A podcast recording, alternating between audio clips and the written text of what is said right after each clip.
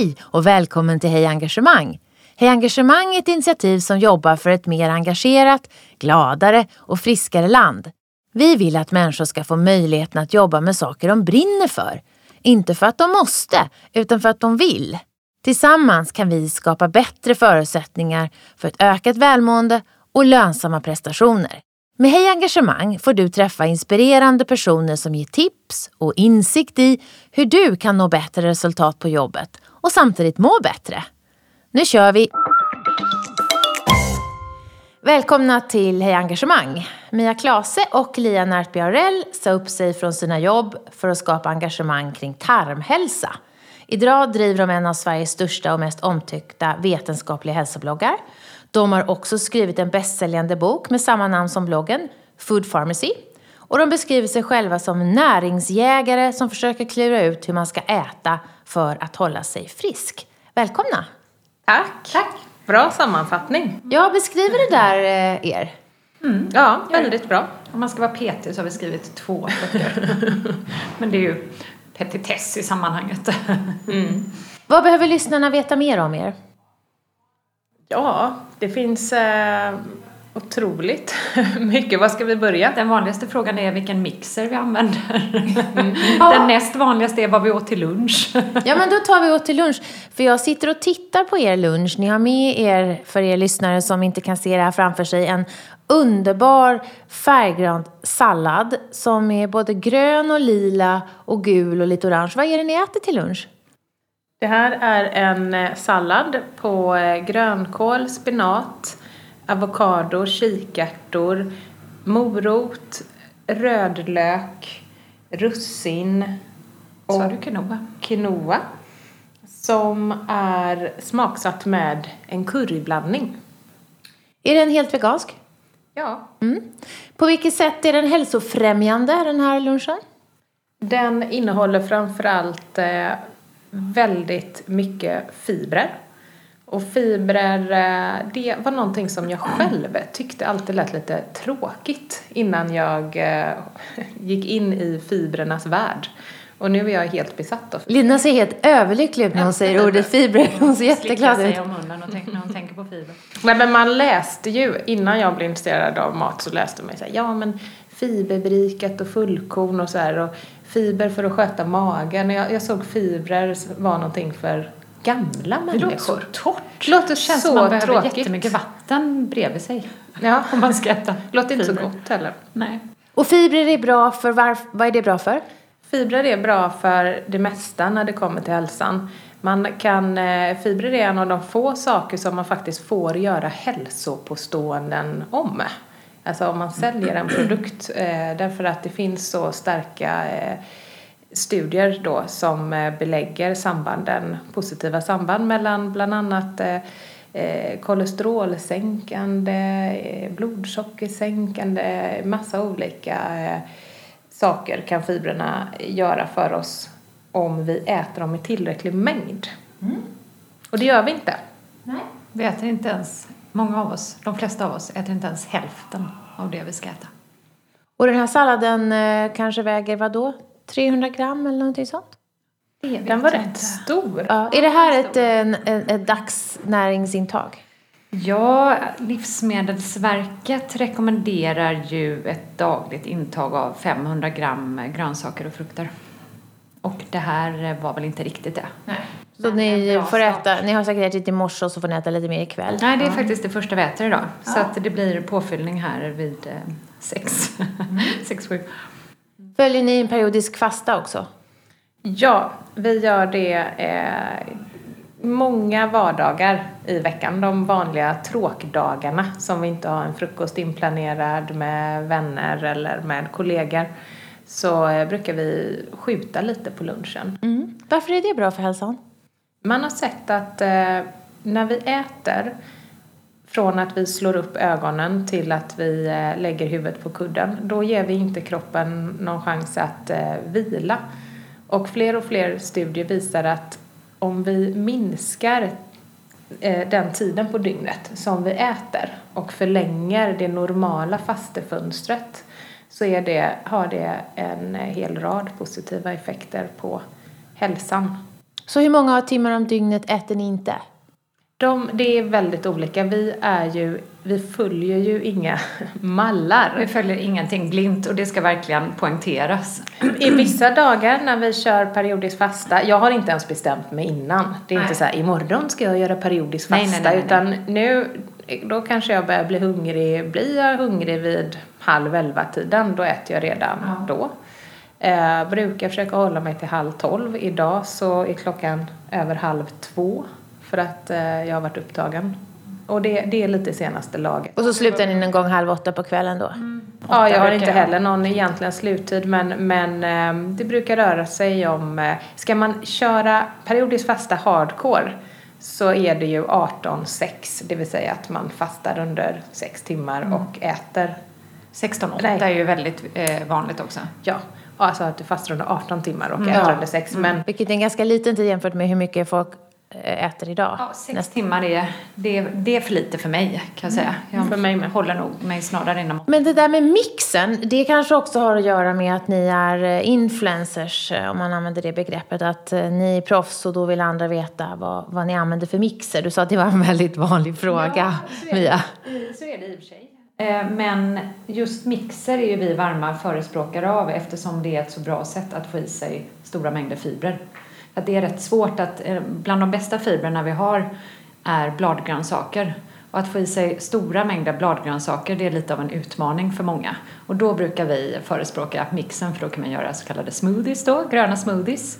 Eh, eller soppor. Mm. Och vad har ni för mixer då? Ja men vi har ju en Bosch. Ja. Ehm, när ni började tänka på det här med hälsa, vad var det som, när var det och vad var det som ni var intresserade av då? Ja, vi, eh, det är flera olika anledningar men framförallt så hade vi ett rätt eh, jobbigt år bakom oss. Därför att eh, vi hade tre kvinnor i vår närhet, alla runt 60, som under loppet av ett år gick bort i cancer. Och det var Mias mamma, min moster och vår gemensamma bästa väns mamma. Så att det var väldigt eh, nära. Och eh, vi hade ju, vi brukar ju skämta om att vi var hypokondriker, positiva hypokondriker. Men vi det liksom började gnaga i oss starkare och starkare. Eh, att vi ville ta reda på, finns det någonting vi själva kan göra för att eh, påverka vår hälsa positivt? Och jag var rätt skeptisk. Jag ska säga att jag tillhör nog en av eh, ja, jag dömde ut rätt mycket som så här, men flummigt och ovetenskapligt och sådär. Men då eh, parade Mias pappa ihop oss med en professor som öppnade dörren till en helt ny värld för oss. Han eh, lärde oss om eh, framförallt någonting som heter epigenetik som då enkelt går ut på att vi har fått en uppsättning gener. De kan vi inte förändra. Men det är inte vår uppsättning gener som styr vår hälsa utan det är faktiskt i större utsträckning vår livsstil. Därför att även om vi har fått ett, eh, ett sämre genetiska förutsättningar, sårbarheter för olika sjukdomar till exempel, så kan vi via vår livsstil påverka om en gen kopplas på eller inte. Och det är det här som kallas epigenetik inom forskarvärlden. Så kan man träna kroppen att bli mer motståndskraftig? Eller göra den mer motståndskraftig? Vi kan slå på de mindre fördelaktiga generna. Eller förskjuta en, eh, vad ska man säga, i alla fall ett sjukdomsförlopp. På samma sätt som man också kan påskynda det tyvärr, för det funkar ju andra, andra vägen också. Det är ju rätt enkelt om man tänker då livsstilsrelaterade sjukdomar brukar vi ju benämna de sjukdomarna som eh, drabbar många av oss i hög grad idag.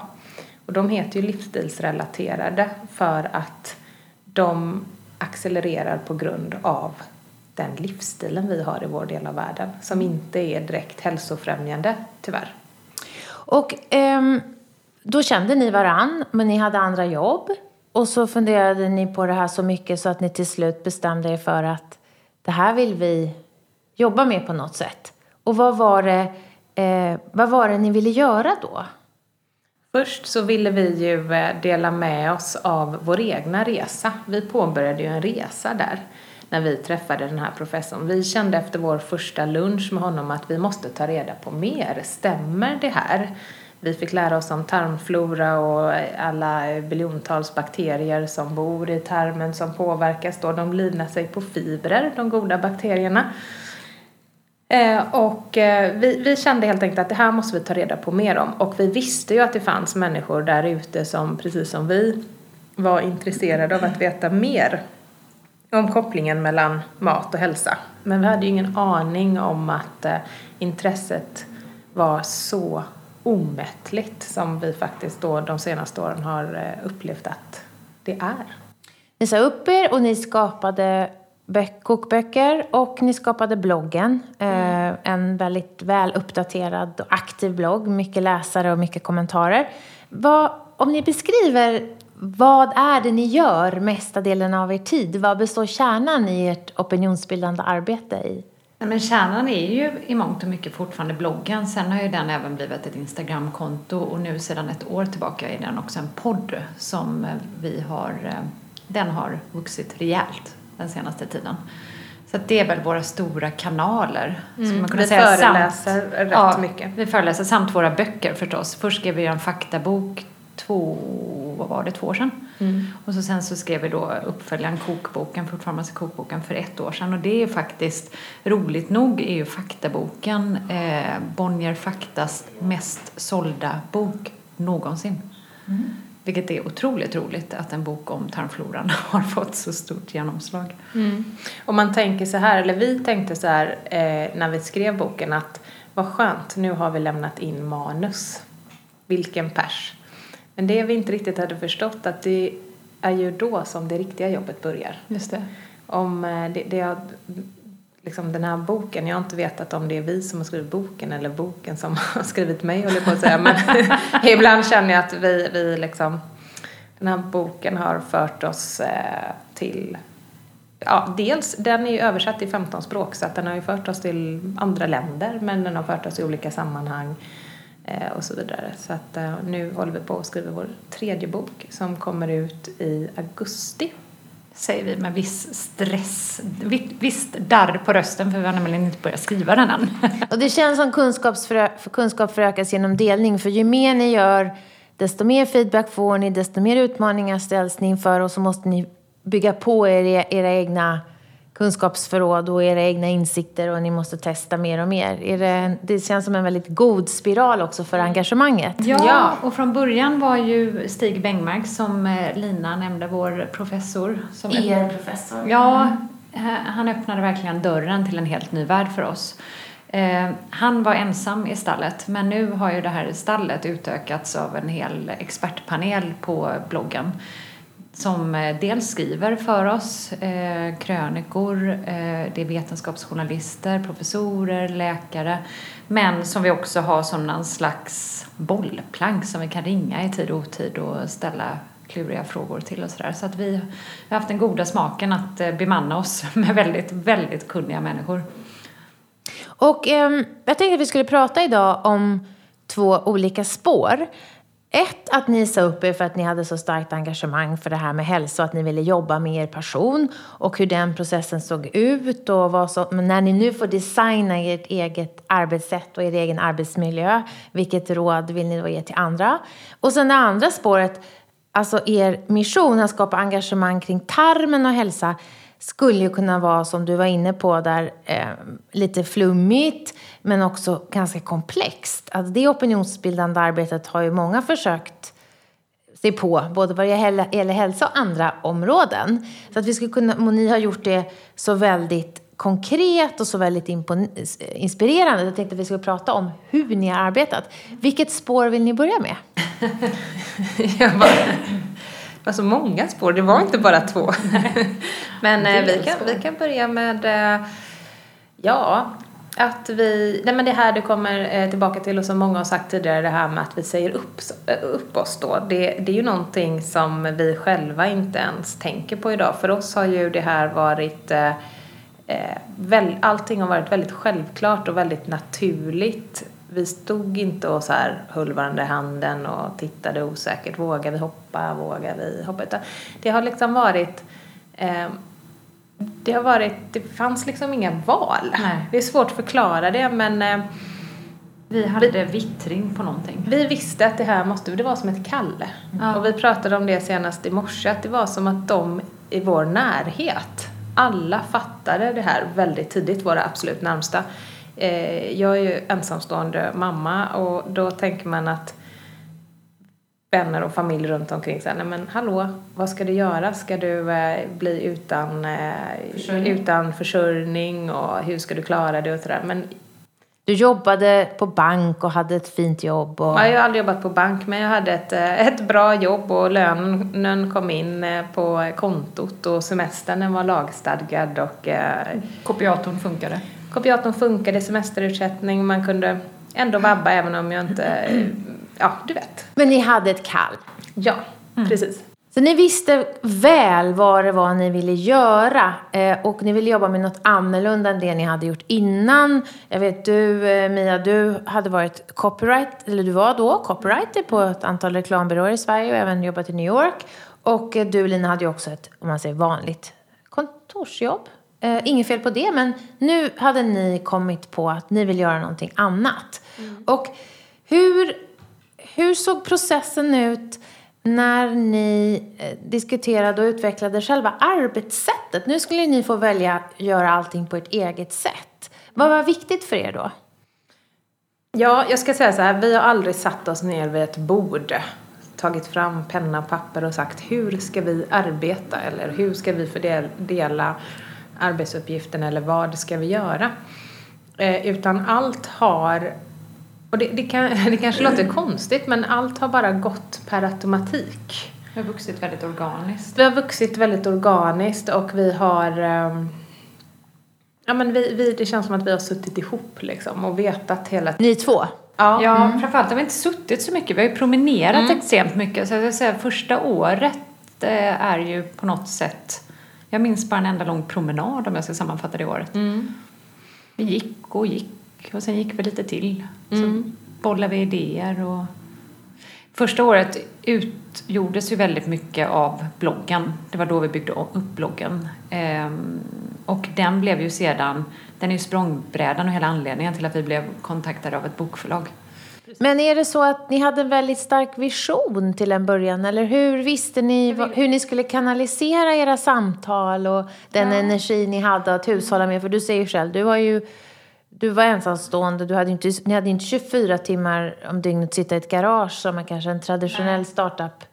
Nej, Nej. men vi hade, vi hade ju eh, parallellt två eh, ströjobb, eller vad man ska säga. I början hade vi faktiskt det. Eh, som gav oss lite inkomst. Och, eh, nej men så här är det, vi är ju väldigt, båda väldigt fascinerade och intresserade av kommunikation och även om det skrivna ordet. Nu har det blivit mer det talade ordet när vi har startat podd och får sitta i andras poddar och även genom föreläsningar och så. Men från början så vi började ju med att skriva.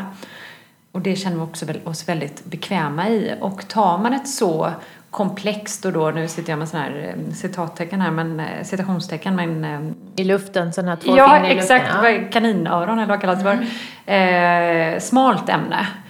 Eh, tar man sig an ett så smalt ämne eh, som många gånger har kommunicerats förvisso tidigare men kanske i smalare tidskrifter och i format och även med ett helt annan sorts språk. Mycket akademiskt, mycket svåra ord, krångligt att ta till sig. Så att vi angrep ju det från ett helt annat håll. Mycket för att faktiskt, eh, så här enkelt, mycket för att förstå själva vad vi skrev om. Vi var tvungna att översätta det till begriplig svenska. Så vi har skrivit mycket som vi har talat. Där kommer vi tillbaka till våra promenader. Och även våra böcker. De är Så bra att ni skrivna... var två där. Ja, men våra böcker är ju skrivna ur ett samtal. Vi sätter oss i en soffa och så tittar vi på varandra och jag har datorn i knät och sen så snackar vi oss fram till det mesta faktiskt. Men fanns det nästan som en eh, folkbildarambition? Eller vad var ambitionen i botten? Som är samma som personen här? Absolut. Eh, det har ju varit att förbättra folkhälsan. Ja. Det känns ju, eh, det finns ju, eh, det är väldigt enkelt så ökar eh, våra livsstilsrelaterade sjukdomar rejält. Och samtidigt så finns det väldigt mycket forskning som belägger sambanden mellan vad vi äter och hur vi mår. Mm. Inte minst nu så kom ju eh, precis före sommaren så basunerade man ut på nyheterna att eh, Livsmedelsverket hade delgivit en rapport, faktiskt ett och ett halvt år tidigare, men det tog ett och ett halvt år innan det nådde eh, nyheterna. Eh, där man pekar ut eh, maten som den största riskfaktorn att dö för tidigt i Sverige idag. Och det är ju någonting som folk inte känner till. Och jag kände att både jag och Mia såg väl oss som, om man sa rätt, pålästa och allmänbildade. Och det kändes på något sätt, finns all den här informationen samtidigt som vi står inför ett otroligt samhällsproblem som leder till eh, inte bara väldigt stora kostnader för samhället utan också enormt eh, lidande på individnivå. Det hade vi ju själva fått erfara. Så vill man ju eh, påverka det här och bidra med den kunskapen för att mm. inspirera. Ni ville det, alla ville inte det. Nej, vi ville det. Vi kände det väldigt starkt. Ja. Och det där livsvalet som ni har gjort, hur, hur påverkar det liksom ambitionsnivån? Ni är tillbaka till det här ambitionsnivån och hur ni arbetar. För ni har ju ändå kommit på något ämne som ni också är väldigt engagerade i. Mm. Och nu får ni och ert mål är att väcka engagemang. Det är liksom en engagemangscirkel. Hur, hur tänker ni på att ni ska ju bevara det här engagemanget? Det är liksom glöden på något sätt i er verksamhet. Hur resonerar ni kring det? Ja, men det handlar ju om att vi behåller engagemanget själva på något sätt. Det är svårt att skapa engagemang hos andra om man inte har ett engagemang själv. Och har man det eh, så, eh, så är det mycket, då är det ju det du förmedlar i ditt budskap så att säga. Så för oss har det ju varit att eh, att lära oss mera helt enkelt. Och nu har vi gått från en resa, vi har arbetat jättemycket med då att förstå hur maten påverkar vår hälsa. Eh, parallellt med det har vi inlett en resa inom ett annat område av livsstilen som, som vi eh, då känner är minst lika viktigt, kanske den viktigaste delen av livsstilen. Och den handlar om eh, ja, spirituell hälsa kan man säga. Mm. Och eh, self-care. Det är ju ett lite flummigt ord. Men att, Vi måste eh, komma på ett bättre ord på svenska. Ja, mm. du får gärna hjälpa oss komma på mm. ett bättre ord. Eh, därför att... Eh, Självomsorg brukar jag säga. Men, ja. men det är ju också ganska konstigt ord. Det låter lite som äldreomsorg och mm. självomsorg. Mm. vi, vi får komma på något som griper tag lite mm. djupare. Ja, men precis. Och varför är det ett intressant område att gå vidare till? Ja, men när man jobbar med mat och, och, och sådär så är det ju jag menar, det, du kan ju äta hälsosamt av flera olika anledningar. Och eh, tyvärr så tror jag att det kan...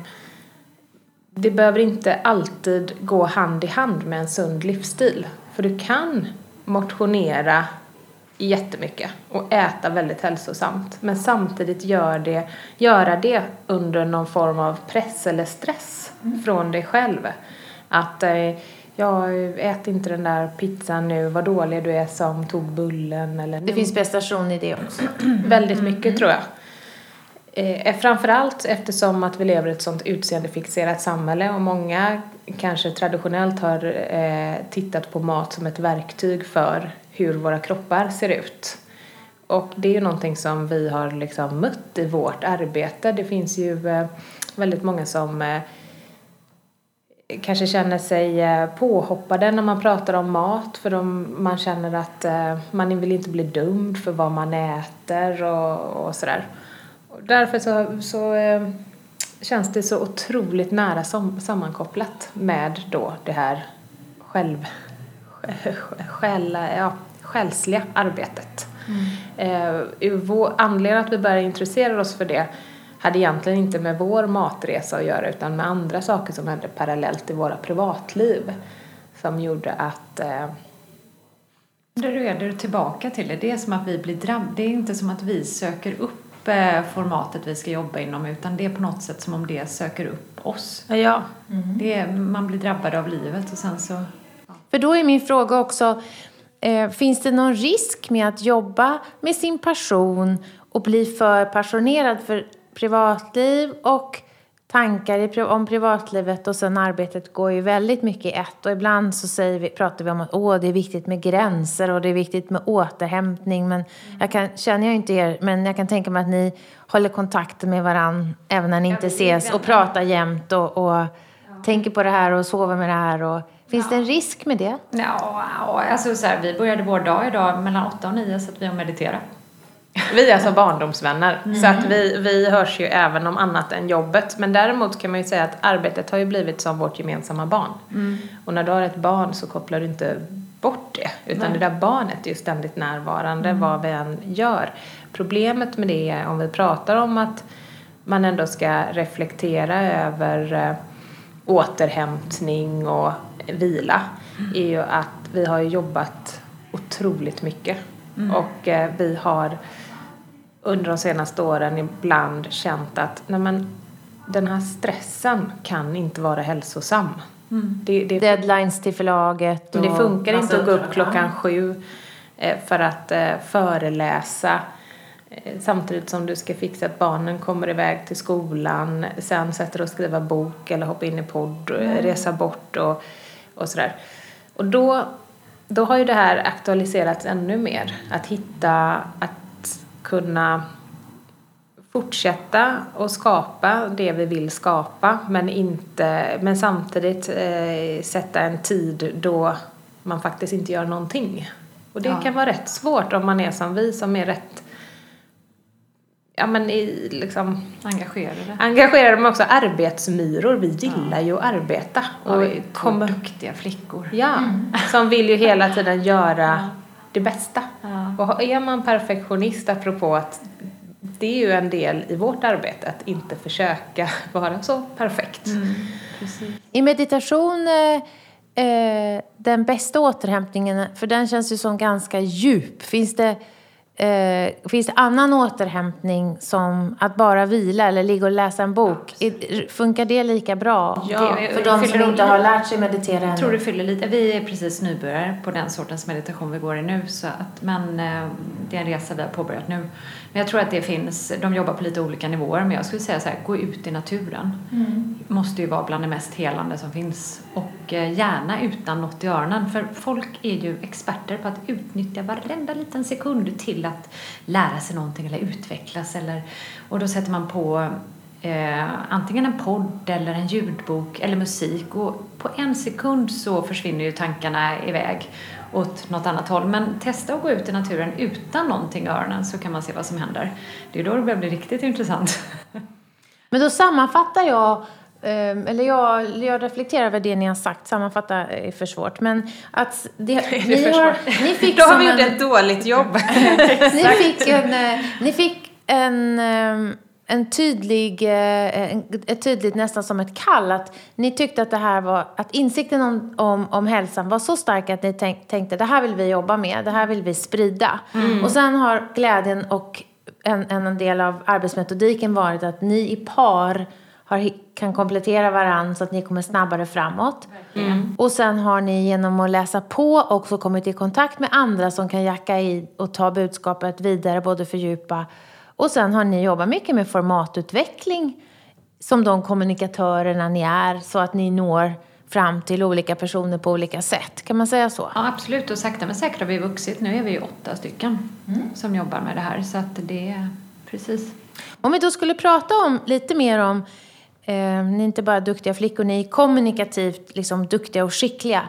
Vad, som jag sa i början, det är ju ett ganska eh, eh flummigt och ämnen som man också, eh, som du var inne på Lina, skulle kunna säga nej men jag orkar inte höra om det här fast det är livsviktigt. Så vad är kärnan i er opinionsbildning för att nå fram? För en sak är att ni vill nå ut, men ni ska ju nå in också.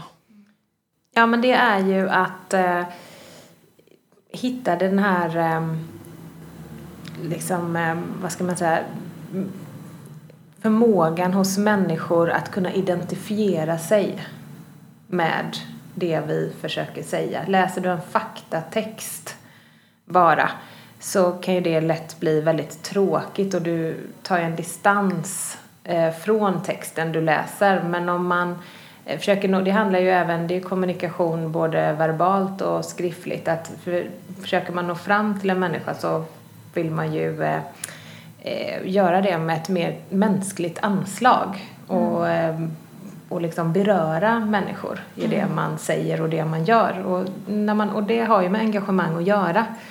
Eh, därför att om du är berörd av någonting så är det ju det du signalerar ut både i det skrivna ordet och i eh, det talade ordet. Och tarmfloran och tarmhälsan, hur har ni berört med den?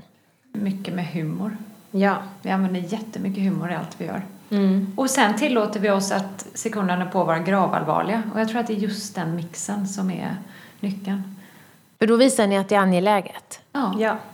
ja men och sen, det, det är, för, företaget är ju sprunget ur, alltså det sättet vi kommunicerar och det sättet vi är på, det är ju sprunget ur våra personligheter kan man säga. Vi skrattar ju väldigt mycket och har ju hela tiden, vi har ju väldigt roligt tillsammans. Jag trodde du skulle säga att en är jätterolig och en är superallvarlig. Nej. Vad tur att du inte sa det. Nej men det, vi liksom är ju två människor som vill ha roligt i livet. Eh, och eh, tycker om att prata med människor, träffa människor, umgås. Vi är två sociala eh, människor helt enkelt. Eh, så att, Och då sätter ni ju också andra i arbete, för ni smittar. Och sen går budskapet vidare och får fötter hos andra. Och sen har ni satt verktyg i händ, fakta har ni satt i, i händerna. Och faktan är ju svår även om vi har en värld där liksom vi är lite fakta in, i, i resistenta så är ändå faktan någonting som kan flytta på sig utan att alltid förvanskas. Och folk Ja. söker ju upp fakta och folk söker upp fakta på olika sätt. Det är därför det är bra att ha så många olika kanaler. Någon föredrar det talade ordet framför det skrivna och vice versa. Ni, ni måste ju ha forskat och läst ganska mycket om beteendeförändring också. Vad, hur ser ni på begreppet nudging? jag älskar det, jag är så inne på det. Ja. Men, och där menar jag också apropå, vi har nog gjort det här omedvetet. därför att det är så apropå som man är som person. När man läser om det så tänker det ju så som jag försöker med barnen hela tiden. Nudga dem liksom till, eh, till att, eh, och även med vänner, det kan ju också kallas manipulation. men, men det kan ju vara med ett gott syfte om intentionen är god. nudging. Eh, ja, och jag tror ju att eh, det, det, det är där du hittar de långsiktiga resultaten och det är där du inspirerar människor eh, att själva göra de förändringarna som man känner att man vill och behöver göra. Har ni tittat på någon teknologi eller någon, någon digital lösning för just nudging? Nej. Vi pratar med Mia och Lina. Vi, vi tittar inte på saker, eller på att säga. Hur ska jag förklara det? Vi är liksom lite för flummiga för att vara... Nej, det har vi inte. Berätta mer. Nej, men det finns ju en hel del forskning på det och det finns ju en hel del, allt från livsstilsappar. Ja, ja, du Till- menar så ja. Ja. Eh, det är väldigt bra. Nej, men jag är tillbaka till det. Vi har verkligen aldrig satt oss ner vid ett eh, bord och så här, så ska vi vara lite roliga. Och sen vill vi ha in lite fakta. Och sen ska vi inspirera människor med nudging. Här är någon spännande modell Mia, titta på den. Vi har aldrig jobbat så. Och jag tror det är fördelen att jobba med en nära vän. Är att allt föds väldigt naturligt ur våra liksom, samtal.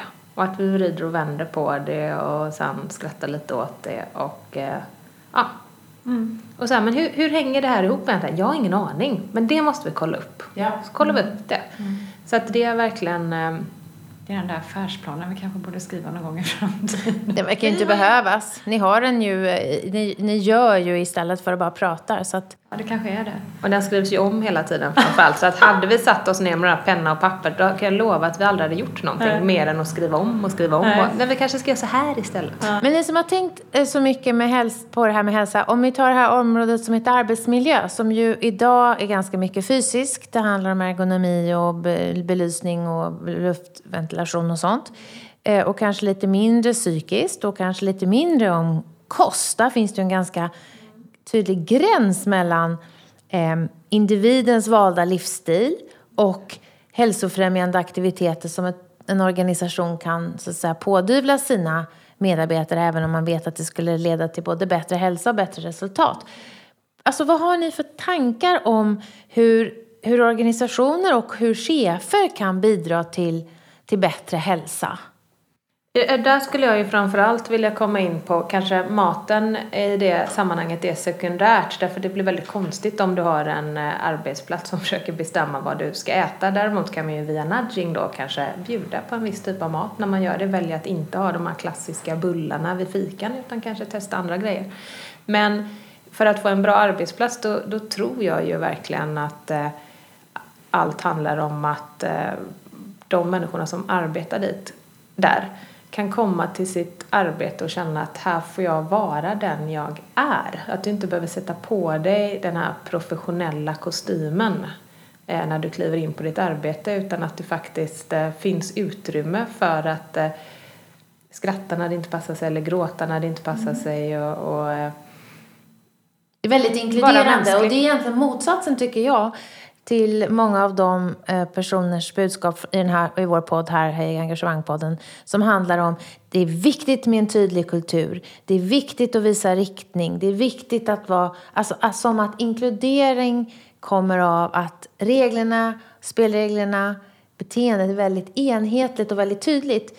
Det du säger nu Lina är, låt människor få vara mer fria i hur de arbetar och hur de är och hur de kommunicerar. Ja, för mig är det ja. dock också en väldigt, väldigt tongivande kultur. Det är bara det att den är tongivande åt ett andra, annat håll. Mm. Bra tror, poäng. Mm. Och jag tror ju att man ska ge människor eh, fria förutsättningar att eh, liksom prestera på det sättet som, eh, som de gör. Jag tror att det är farligt att sätta regler. Eh, jag tror att man ska ha en vision som man delar och vet och delar värdegrund och och sådär. Det tror jag är viktigt. Mäta och följa upp då? På, um, på prestation och på utveckling? Alltså det är ju lättare att prata. Vi är åtta pers. Vi är mm. sprungna ur två, nu är vi åtta. Vi vet inte hur många vi ska bli. Men det är ju lättare att eh, prata om...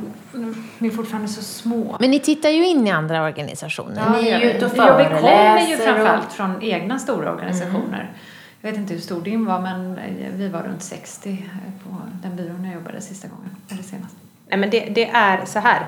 Det, jag upprepar, jag låter som en papegoja. Vi har ingen mall. Fast du har kolibri på blusen. Det kan ja, ja men titta. Vi har, ehm, vi har ingen mall för hur vi mäter resultat. Det är någonting som säkert kommer behövas när vi utvecklar nu olika områden i vår verksamhet. Men men vi utvärderar oss själva hela tiden och det gör vi ju genom att eh, ge feedback för det tror jag är det absolut viktigaste och där är också att kunna komma till sitt jobb och få vara sig själv. Att kunna få direkt feedback men på, presenterat liksom på ett positivt sätt apropå nudging. Mm. Eh, att få människor att kanske ändra sättet de gör någonting på till att bli lite ännu bättre. Eh, och det tror jag är, det är ju så som vi jobbar hela tiden i våra format. Ja men det här, det här bloggläget var jättebra men vi kanske ska ändra det ordet till det eller ja men den här podden för det ger er en ny riktning. Det ja, vi blir bara bättre av det. Oerhört, men då måste man ju, vi på precis samma, vi behöver ju också jättemycket kritik. Det finns ju inte att vi ger kritik och inte tar kritik Vi tillbaka. ber ju om kritik hela Vi ber om kritik hela tiden.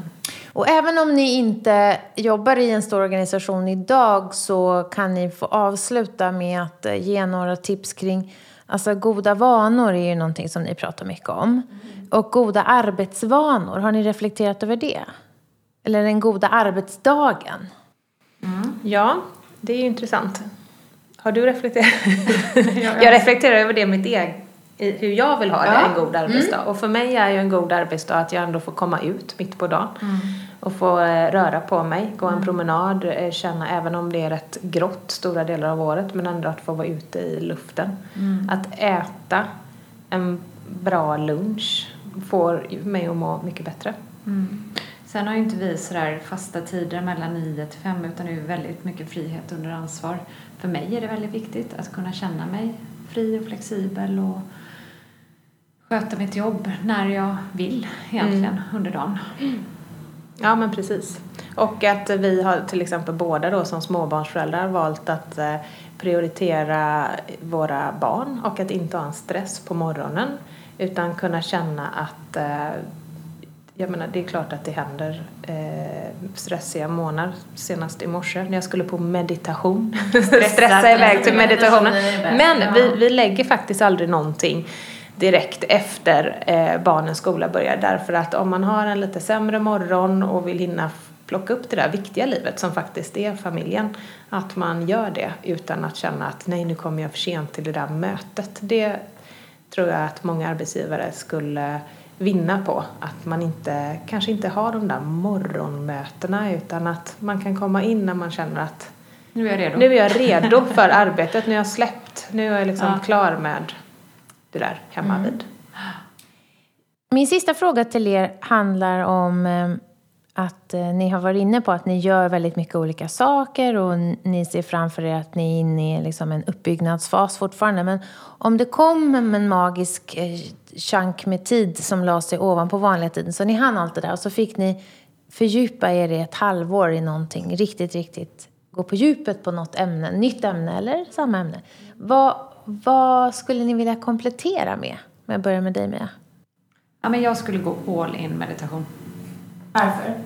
Därför att, och terapi ska jag säga, nu går ju båda vi, alltså vi delar, vi delar allt, vi delar terapeut, vi delar den här eh, meditation, personen vi går och mediterar hos och så vidare. Men jag, jag är, det är fortfarande ny mark för mig. Jag har gått i eh, regelbunden terapi i ett drygt år nu bara. Bara. Det är väldigt mycket terapi på ett år. Men extremt mycket terapi på ett år. För att inte gjort någonting. Ja. Men jag märker hur otroligt... Det är först nu som eh, mina sista som pusselbitarna börjar falla på plats på riktigt. Det ger mig så otroligt mycket. Så då säger jag att god arbetsmiljö kanske också handlar om tillgången till meditation och eh, till Absolut. ett samtal som är mer terapeutiskt och kanske lite som du var inne på Lina, eh, åt det andliga hållet. Att det skulle kunna finnas utrymme för det på även en arbetsplats. Verkligen. Absolut. Vad skulle du fördjupa dig inom Lina? Men jag är ju jättetråkig eftersom att jag säger samma sak för det är ju där vi är nu mm. och det är ju det vi ska fördjupa oss in. Säg bodybuilding äh, istället, mycket roligare. Ja, det kanske blir näst, nästa år, bodybuilding. Mm. Eh, jag stänger inga dörrar men det här året eh, är det meditation och det handlar just om att eh, jag, jag vill bara göra en koppling nämligen till det du sa om arbetsplatser. Vi är liksom när man blir medveten om olika mönster hos sig själv som inte är så genererande varken i ens privatliv eller i arbetslivet eller för dig som människa. Mm. Och eh, när man läser om meditation och förstår vad, hur eh, man kan få hjälp av då meditation, att ge sig, där, sig själv den tiden för återhämtning så är jag ju väldigt sugen på att testa det. Jag vill ju liksom bli en bättre människa eh, hela tiden. Apropå perfektionist och duktig. Mm, fast det är nog inte därför du vill det. Nej. Det vill jag också efter att ha lyssnat på er. Eh, tack så jättemycket för att ni kom till Hej Engagemang. Tack. Tack. Vi hoppas att vi har väckt tankar om hur du kan bidra till ett mer engagerat Sverige. På hejengagemang.se kan du hitta mer inspiration och tips kring hur du som individ, ledare och organisation kan jobba för att skapa ett ökat engagemang, välbefinnande och nya resultat. Tack för att du har lyssnat!